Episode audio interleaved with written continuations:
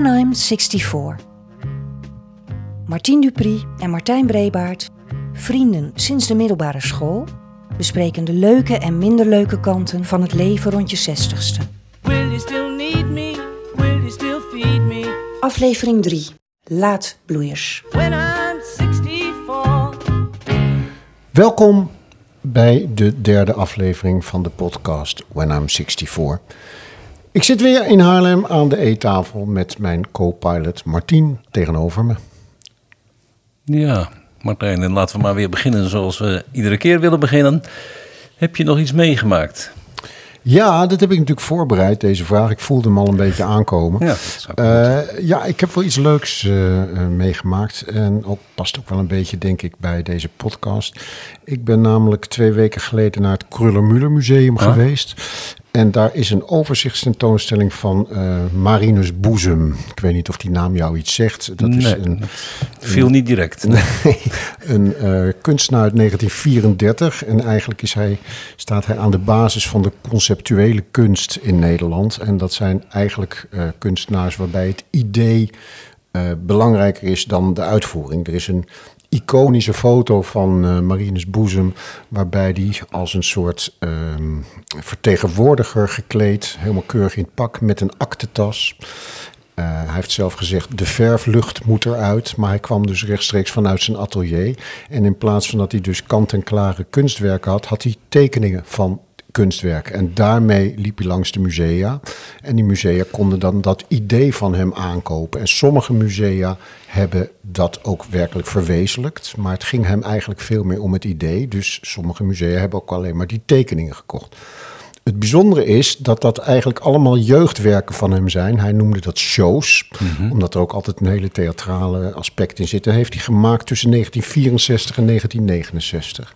En nu voor het eerst, terwijl hij ondertussen, nou, 1934... Pittig belegen zijn, Gaan we straks even Ja. uitrekenen hoe, hoe oud hij nu is. 87. Precies. En nu pas is het Kruller-Müller dus de eerste museum die al die shows integraal heeft eh, vormgegeven. En dat is heel leuk om te zien, want je ziet dus die tekeningen, maar je ziet ook het eh, kant-en-klare, het afgewerkte product.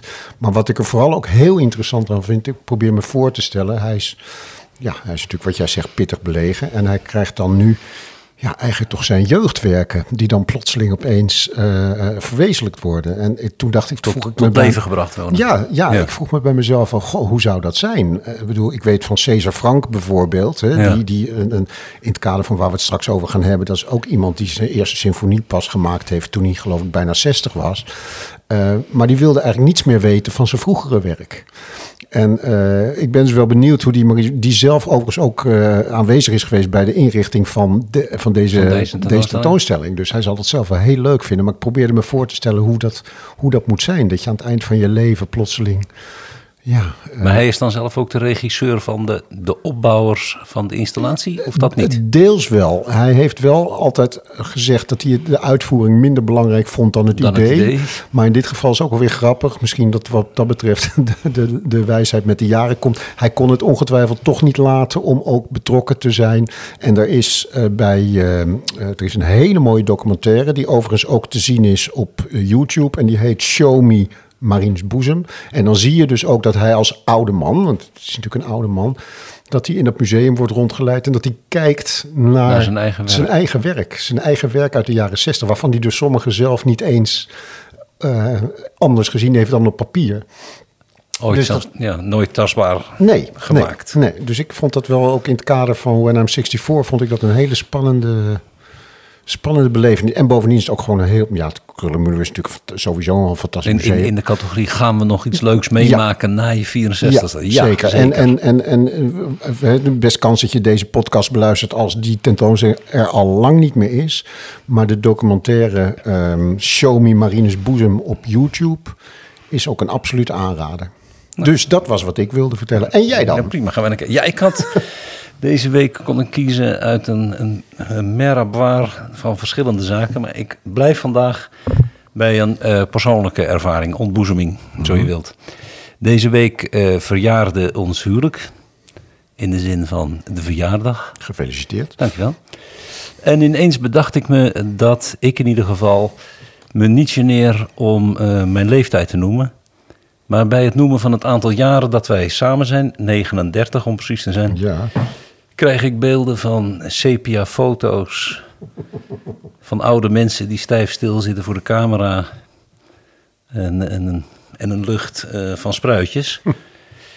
en waarom dat is, eh, ik, ik denk dat het komt omdat ik me bijna gedwongen voel om dan uit te leggen waarom je al 39 jaar samen bent. nou, ik wou het net vragen. Ja. Waarom, waarom ben je al 39 jaar samen? Ja, maar inderdaad. Nee, ik moet dan uitleggen, Marian, mijn vrouw, is de vrouw van mijn leven. Tegen wie, tegen wie ik eh, nooit genoeg zeg hoeveel ik van haar hou. Omdat we samen één zijn. En ik ook niet tegen mezelf zeg dat ik zoveel van mezelf houd. En toch is dat zo. Ik hou verschrikkelijk veel van haar. En met het verstrijken van de jaren ben ik, voor mijn gevoel, eh, steeds meer van haar gaan houden. Terwijl ze ook steeds meer een deel van mijzelf geworden is. Ik vind het, ik vind het heel mooi. Ik, ik, ik, ik zou, ja, de meest voor de hand liggende vraag is natuurlijk: wat is het medicijn? Want ik ken wel een aantal mensen die zullen zeggen, als ze het eerlijk zouden zeggen, ik ben in de loop van de jaren toch wat minder fanatiek geworden in het, eh, in het huwelijk. Maar jij zegt, we zijn eigenlijk alleen maar meer van elkaar gaan houden. Ja. Nee, ik denk niet dat er een medicijn is. Wij passen bij elkaar. En het zal ongetwijfeld iets te maken hebben met het ruimte geven aan elkaar. Waarbij aan mij de ruimte wordt gegeven en Marianne de ruimte geeft. Nee, ik, ik, ik heb daar geen medicijn In voor. hoeverre heeft het ouder worden ermee te maken? Het samen ouder worden. Nou, je, je, je bouwt natuurlijk een bibliotheek aan ervaringen op. Er, er is niemand die mij kent eh, zoals Marian mij kent. En andersom is dat waarschijnlijk ook het geval. En toch heb je niet het gevoel dat je de ander echt kent. Dat Daar ergens eh, zit waarschijnlijk wel het medicijn dat het verrassend Zeker. blijft. Terwijl het tegelijkertijd zo is dat het ontzettend leuk is dat je elkaar zo goed kent. Dus wat dat betreft heb je gewoon geluk gehad met wie je bent tegengekomen. Ja, absoluut. Ik mo- Ik moet denken aan eh, Simon Carmichelt, die je ooit geschreven heeft. Mijn vrouw is een mooi boek, maar ik heb het uit. Ja, En dat, je hebt niet het gevoel dat je Marianne uit hebt, zal ik maar zeggen. nee, dat gaat niet lukken. Nee, nee. Oh, dat gaat niet lukken. ik vind het mooi, Martien. Ja, graag gedaan. Hey, dit is eh, een, een, een mooi bruggetje natuurlijk naar een van de gevolgen van jullie goede huwelijk. Eh, en dat is jouw Sterker nog, het is de oorzaak.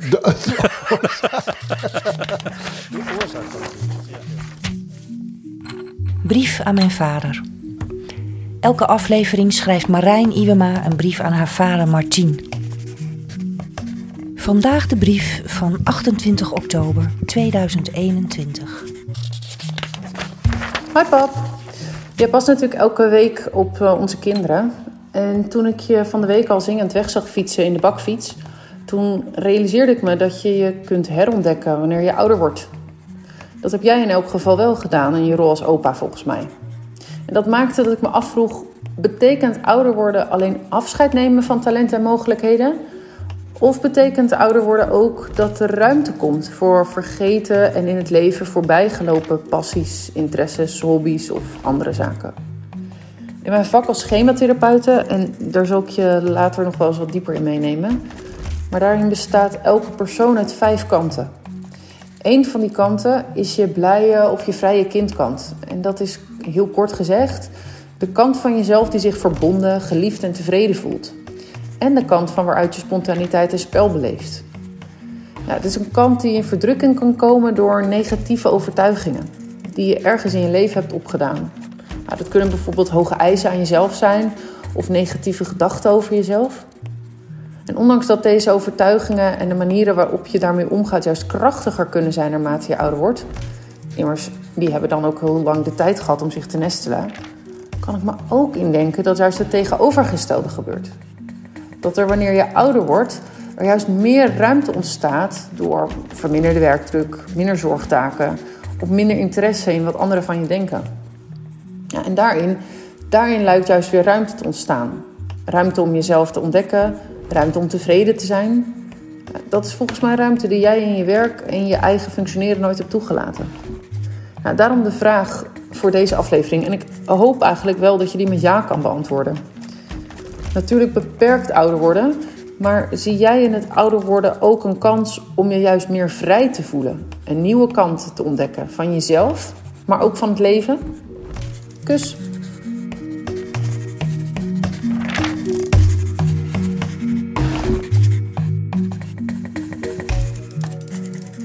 Oké, nou dat zijn een aantal mooie vragen waarmee Marijn eigenlijk het uh, onderwerp van vandaag aanslingert. Het is natuurlijk de vraag of het ouder worden eigenlijk alleen maar het afscheid nemen is van dingen. Of dat er ruimte komt voor ja, nieuwe mogelijkheden.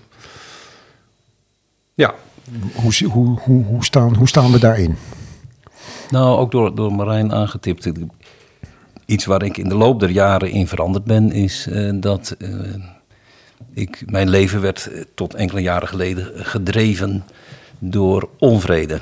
Ontevredenheid is een beter woord.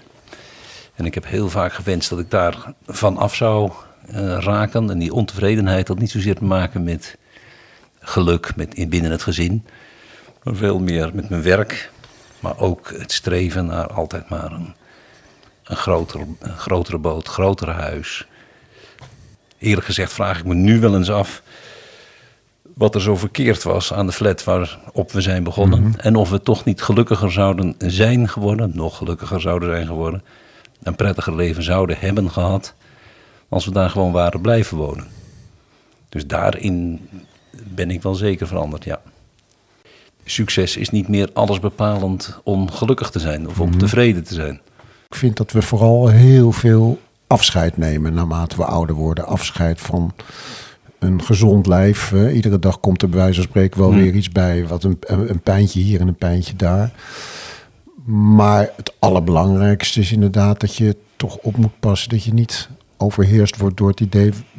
Ik, ik doe er steeds minder toe. Ik heb niets met uh, de toekomst, uh, vreemd genoeg. Een, een, een beangstigend uh, zwart gat voor me. Ik, ik zou me dan richten op hoe het nu is. En wat je nu moet doen. Maar inderdaad, ik, ontdekt, ik, ik ontdek wel dat juist ehm, het er minder toe doen in het werk jezelf ook de gelegenheid geeft om zelf minder uh, bezig te zijn met het werk en meer bezig te zijn met andere dingen die je nu en toen ook trouwens al maar belangrijker vond en vindt. Dus dat is de ruimte voor nieuwe ja, absoluut, mogelijkheden. Ja. ja. Zijn we jaloers, Martien, op de 20 en 30ers? Nou. uh, jazeker. Zoals dat kan smijten uh, met, uh, met tijd en energie, ja, zeker. Mijn ruimte zit er voornamelijk in dat al dat moeten uh, wegvalt. En het, het wonderlijke is, want mensen verkeerde indruk. Ik ben nou juist iemand die ontzettend graag werkt. Ik heb altijd in het bedrijfsleven gewerkt. Ik geloof ook in bedrijven. Ik geloof in het, het uh, vooral in het midden- en kleinbedrijf. Ik heb dat altijd ontzettend belangrijk gevonden, dat vind ik nog steeds. Maar niet meer mijn eigen rol daarin, nee. Nou ja, we gaan, deze uitzending heet niet voor niets Laadbloeiers. Ja.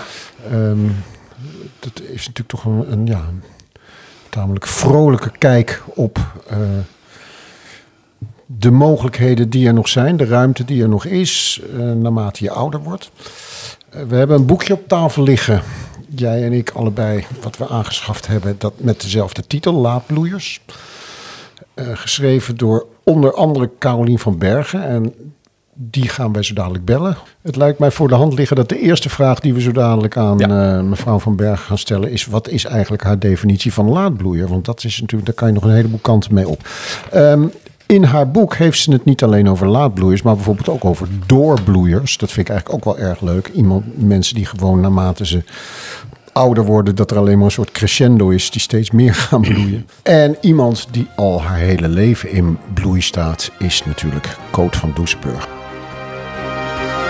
De quote van Coot. Ik zag een heel mooi interview met Sergio Vient. Dat is de gastheer van het programma First Dates. Waarin hij altijd ja, in iedere uitzending nogal wezenloze tegeltjeswaarheden zegt. Maar in dit interview zei hij: Nooit blijven vasthouden aan wat een ander je niet kan geven. Nou, Martien en ik kijken elkaar aan en hebben allebei het idee van deze moet nog even, Deze moet even landen. deze moet even landen, denk Nooit ik. blijven vasthouden aan wat een ander je niet kan geven. Het is een Je waarschuwing. moet, ja, je moet loslaten in een relatie als de ander niet net zoveel van jou Ja. houdt Ja, als zo hoor jij ik het van ook. haar. Dankjewel, Colt, voor deze bijdrage. Prachtige quote.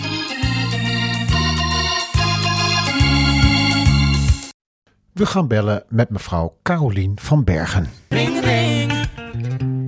Are you there? Hello, hello. Are you there? You there? You there?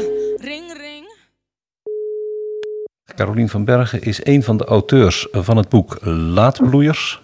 Wat werd uitgegeven in 2015 door uitgeverij De Tijdstroom. En het boek is nog eh, steeds te koop. Carolien, voordat eh, Martijn je wat vragen stelt, is het misschien goed om het even te hebben over het begrip laatbloeier en wat jouw definitie daarvan is.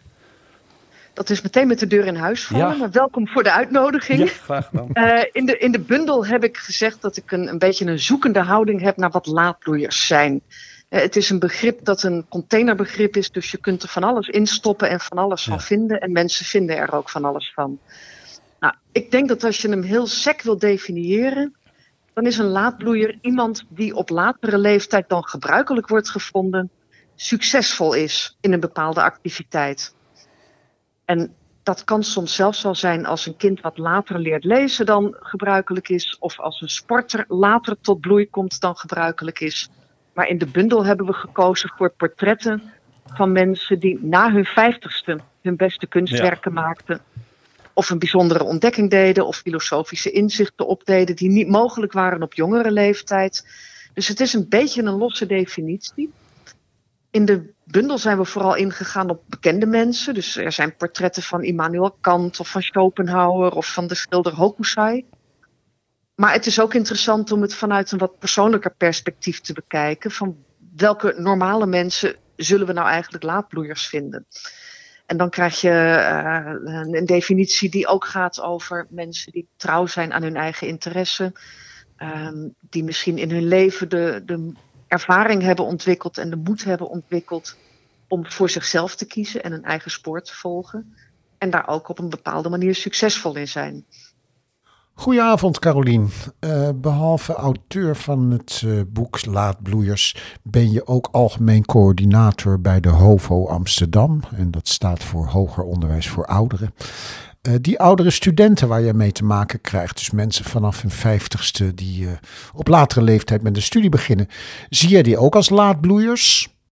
Dat zijn ook een soort van laadbloeiers. Ja, dat is, daar zit natuurlijk een, een spanningsveld in. Ga je alleen maar voor de bekende mensen? Dat Ja. vonden wij interessant voor deze bundel.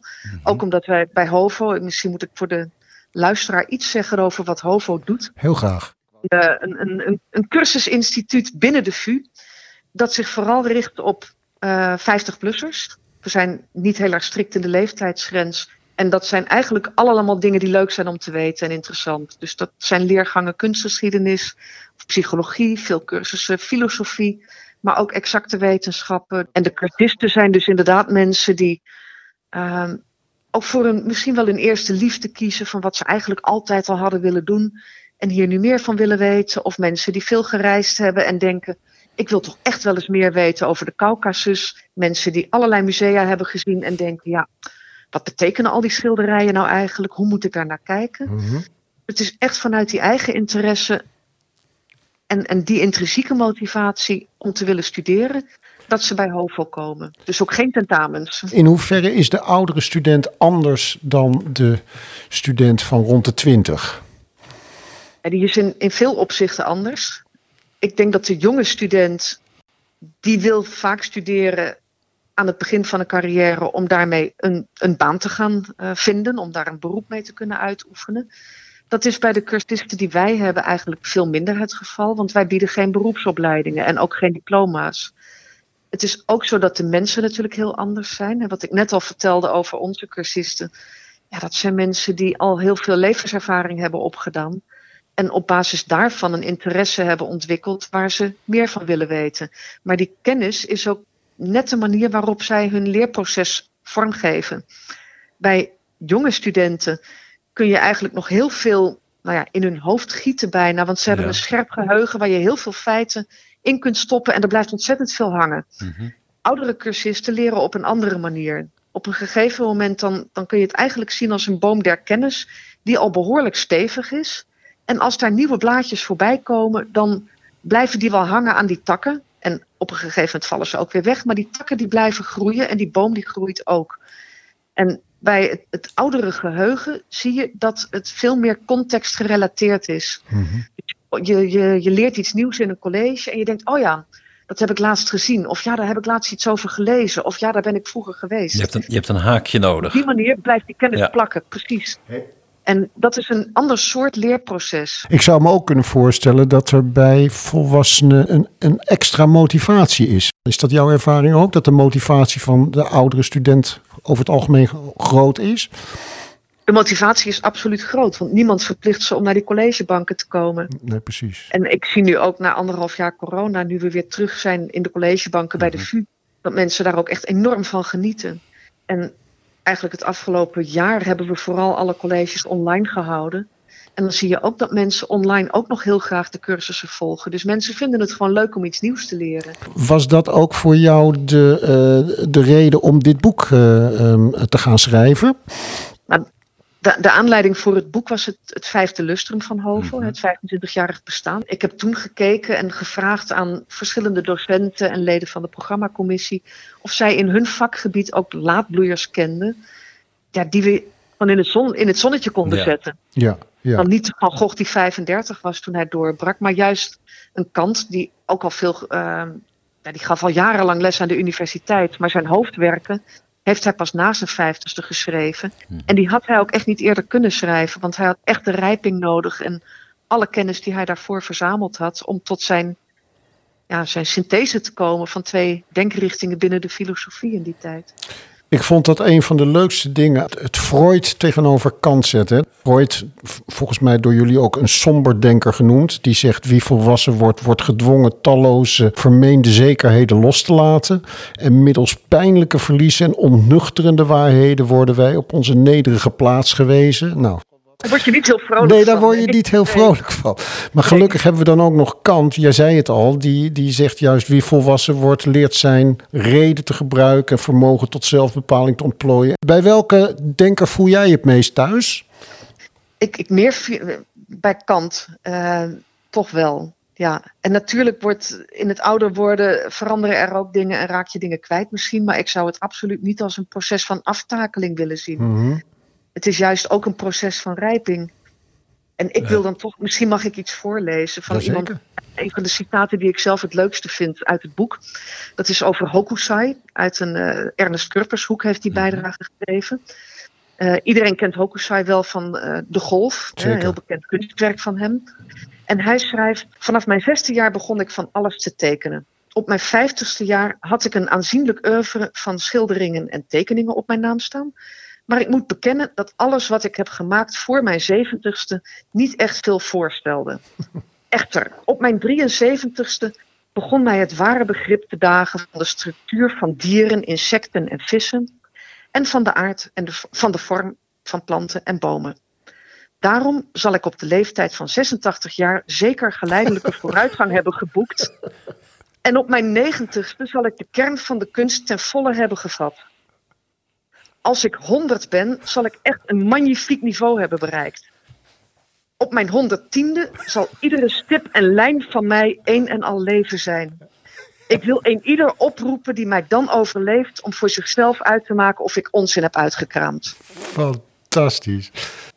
Ik wil de feestvreugde niet bederven, maar wij zoeken natuurlijk naar bevestiging van ons idee dat het ook na je 64ste eh, nog eh, leuk kan zijn in het leven en dat eh, je talenten nog kunt ontdekken en, en ontwikkelen. Maar tegelijkertijd lees ik dan in, weer in jouw, voor, in jouw voorwoord de mentale denkkracht die nodig is voor een fundamenteel andere kijk op de werkelijkheid lijkt voor de oudere wetenschapper niet meer weggelegd. De feiten lijken deze theorie gelijk te geven. Echte laadbloeiers komen we niet tegen. De grote wetenschappers waren alle jonger dan 50 toen ze hun ideeën, hun ideeën vormden. Ja, dat is waar. Wij hebben gekeken, ik wilde eigenlijk Treurig. wetenschappers uit alle vakgebieden hebben. Ja, Maar de natuurkunde gaat het niet lukken. Dus nee. iedereen die de ambitie heeft om laadbloeier te worden, zou ik eerder aanraden om schrijver te willen worden. En succes niet gegarandeerd. Dan om nog natuurkunde te studeren en dan te verwachten om daarmee een wetenschappelijke doorbraak te bewerkstelligen. Iets- Iets geheel buiten dit kader. Eh, ik bedacht ineens dat ik eh, in, ik- snel even uitgerekend, ik denk in 1983 ben gaan studeren aan de VU. Mhm. Toen was ik eh, voor die tijd al op oudere leeftijd, 27. Mhm. En dat heette toen tweede kansonderwijs. Mhm. En dat mocht je doen op kosten van de Nederlandse overheid. Als je tenminste zoveel jaar geen uitkering had gehad, zelfstandig was geweest. Nou, en nog een voorwaarde die ik niet meer weet. Nou, en ik had vanaf de middelbare school altijd gewerkt, dus ik kon zo gaan studeren aan de VU. Dat bestaat niet meer. Is de Is vraag. dat een vraag? Ja, dat is de vraag. Ja, bestaat Ja. dat niet meer, het tweede Ik kansenonderzoek? ik denk niet dat het zo heet, maar ik zie wel binnen onze cursussen dat daar ook wel mensen bij zitten die ooit hadden willen studeren, maar dat niet konden of mochten doen. Ja. En die nu op deze manier toch ehm, ja, dat kan ik me heel goed dus op voorstellen. academisch niveau blijven volgen. Ja. Ja. En ik denk dat, kijk, de, de overheid heeft de mond vol van leven lang ontwikkelen en leven lang leren. Ja. Maar als je dan de beleidsstukken gaat bekijken, dan gaat dat heel vaak toch over leren tot je 65 of tot de pensioenleeftijd. En daarna hoeft het blijkbaar niet. Dat vind ik heel jammer, want ik geloof ontzettend in het concept van leven lang leren en leven lang ontwikkelen. Gewoon tot de laatste snik. Ik vind het zelf heel relevant dat mensen ook als ze gepensioneerd zijn, of op welke leeftijd dan ook, blijven leren, omdat je meer inzicht in de wereld krijgt. Je voelt je minder vervreemd van de wereld. Mhm. Je kunt misschien meer relativeren. Je hebt meer inzicht in nieuwe ontwikkelingen. Ook als je het kunt relateren aan oudere ontwikkelingen. Dus het maakt je wereld groter en dat is gewoon mooier. Ik denk ook dat je daar als mens beter Ja. van wordt. Dat je meer levensvreugde hebt en het plezier van nieuwe dingen leren. Van oh, ik heb geleerd dat iets zo- werkt of dat het vroeger dit en dat was. En dat is gewoon leuk. Dus ik, ik geloof ook dat het voor mensen goed is om te blijven leren. Maar je moet er niet aan denken dat op een gegeven moment 40% van de Nederlandse bevolking eh, v- eh, 50 jaar of ouder is en niets meer leert daarna. Dat, dat wil je niet. Je Nee, wil die dat valt wel, ja. zich blijven leren, eh, blijven ontwikkelen Ja. en bijblijven bij wat er gebeurt. En als mens nieuwsgierig blijven. Ik geloof er ontzettend in dat je daar ook een, ja, een, een betere mens van wordt. Waar we het nog helemaal niet over gehad hebben, maar dat lijkt me toch ook erg leuk, is dat je natuurlijk ook eh, eh, in contact komt met mensen met dezelfde hobby's. Waarschijnlijk ook ongeveer dezelfde leeftijdsgroep. Dus ook een hele mooie manier om je sociale netwerk een beetje uit te breiden. Ja, nee, wij zien dat mensen eigenlijk primair voor de kennis komen. Maar dat in de pauzes het toch ook echt wel gezellig wordt. Ja, Of dat er, na- hè, er kunnen vriendschappen ontstaan en in de pauzes komen mensen elkaar tegen. En ik weet niet of ze dezelfde hobby's hebben, maar in elk geval wel dezelfde interesse. Want Ja. anders komen ze niet bij die ene cursus. ja. Ehm, er zijn ook mensen die, die het echt helemaal niet uitmaakt met wie ze in de collegezaal zitten. Die komen alleen maar voor de kennis. Dat is ook prima. Maar je ziet het allebei eigenlijk. En natuurlijk is het een manier om, om mensen te ontmoeten ook. Ja. Nou, Carolien, enorm bedankt voor dit eh, leuke gesprek. Ik ben, ik ben er heel vrolijk van geworden, moet ik zeggen. Van de vele mogelijkheden die er nog blijken te zijn voor mij als eh 64 jaar. Ik heb heel graag meegewerkt, hartstikke leuk. En ik vond het leuk om eh, inderdaad te vertellen over de laadbloeiers en van de dingen die het leven leuk maken.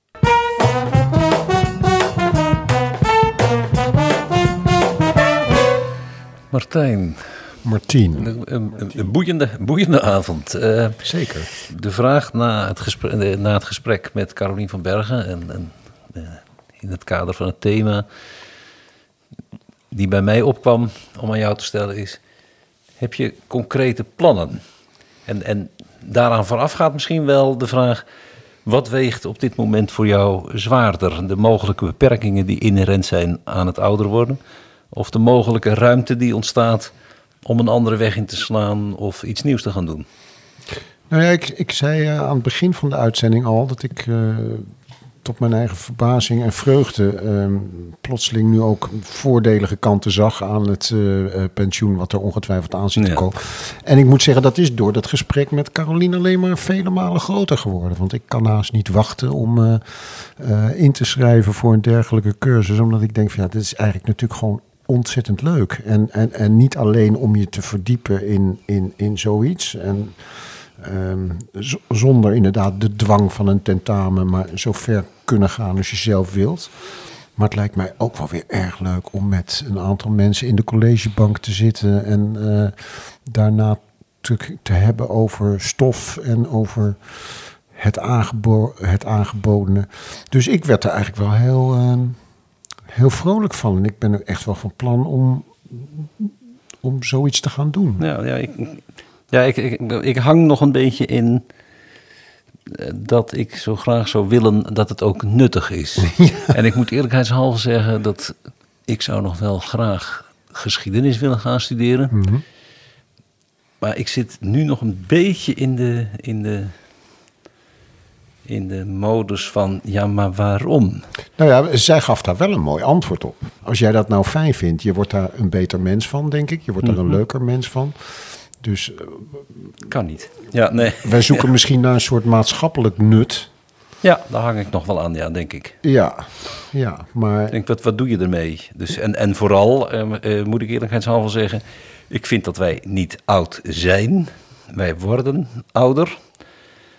Eh, maar hoe lang blijven wij nog? Dus het zal je toch niet overkomen dat je je vier jaar te pletter studeert... om dan in jaar vijf eh, de pijp aan Maarten te geven. Dat is erg zonde vinden, want met jou gaat die kennis ook weg. Ja, dat vind ik dan wel weer mooi. Dat degene die zegt dat hij, dat hij nooit aan de toekomst denkt en alleen maar een zwart gat ziet. Zover had ik daar, zo'n morbide idee had ik toch niet. Even. Er zit weliswaar geen tentamen, maar er zit gewoon de dood beëindigt je studie.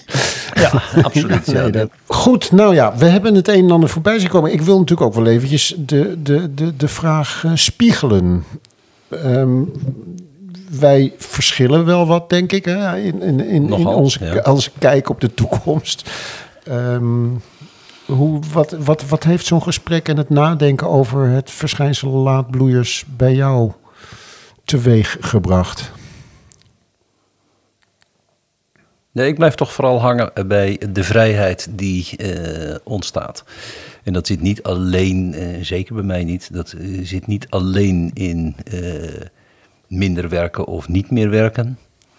Maar het zit meer in een vrijheid eh, dat je los bent van alles moet succesvol zijn, alles moet eh, eh, iets opleveren. Je kunt ontevredenheid loslaten. En wat misschien nog wel het belangrijkste is, je, nou ben ik dat al jaren inmiddels, maar je komt helemaal los van ehm, de zucht om door anderen, eh, hoe zeg je dat, serieus genomen te worden. Eh, je bent veel minder, ik ben althans, ben veel minder afhankelijk geworden van wat anderen vinden van Je hoeft mij. je niet meer te bewijzen. Nee, van Ja. mij of van wat ik doe. Hm. Dat vind ik wel buitengewoon plezierig.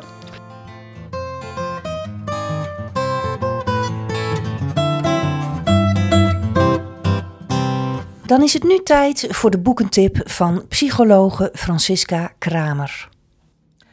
Als boekentip dit keer een boekje van Dirk de Wachter. De kunst van het ongelukkig zijn. Dirk de Wachter is een fantastische psychiater uit Antwerpen die zo heel mooi Vlaams spreekt. Toen ik een keer bij een lezing van hem was op de Universiteit van Amsterdam, deed hij me denken aan een dominee, maar dan een goede. Die heel mooi kan preken en in staat is zijn boodschap precies aan te laten sluiten bij de actualiteit. Eigenlijk is Dirk de Wachter meer dan een psychiater. Hij is ook een duider en een trooster. In zijn boek De kunst van het ongelukkig zijn onderzoekt hij wat we nu eigenlijk verstaan onder geluk. Wat ongeluk betekent en vervolgens wat zingeving is. Want, zo stelt hij, streven naar geluk als levensdoel is een vergissing. Het gaat om streven naar zin en betekenis. Dat is waar het leven om draait. En veel mensen zijn ongelukkig. Ze ervaren eenzaamheid of onvrede met wat ze hebben bereikt of niet hebben bereikt. Hebben moeite zich aan te passen aan veranderende omstandigheden, bijvoorbeeld ouder worden. En in dit heel goed leesbare boekje van Dirk de Wachter leer je vooral relativeren.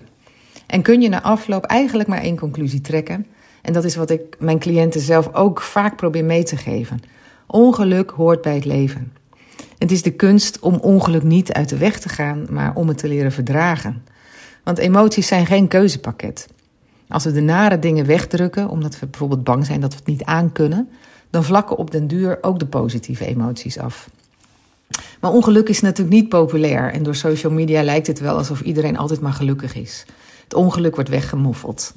En dan denken we dat het aan onszelf ligt, voelen we ons een loser als we down zijn. Maar toch zijn mensen die ongelukkig zijn met heel veel. Een kwart van de mensen voelt zich geregeld ongelukkig. En in zijn boekje laat Dirk de Wachter zien dat verdriet en ongeluk waardevol zijn, hoe lastig en moeilijk bespreekbaar ook. Ze geven namelijk aanleiding tot nabijheid. En nabijheid is gelukkigmakend. Bloemetje van, bloemetje van, het bloemetje van Martin. Zonder deze eh, aflevering eh, van de podcast eh, helemaal naar mezelf toe te trekken. Maar ook dit gedicht van Bloem vanavond draag ik graag op aan Marian.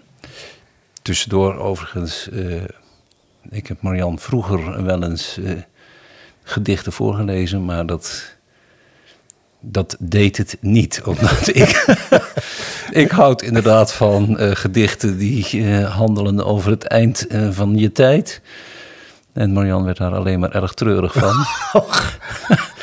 Desalniettemin, dit is ook niet echt een heel fijn positief gedicht, maar daar heeft Bloem ook nooit geschreven. Deze is voor jou, Marian. Het eind van de dag. De dag is over en het hele leven is welhaast over in zijn stervenspijn. O nutteloosheid van elk verder streven, want ieder uur kan het uiterste uur eens zijn. Het is tijd voor het strekken van het laatste wapen. Er valt niets meer te winnen of te ontvlien. Ik denk alleen nog maar als ik ga slapen, weer een dag minder dat ik je zal zien.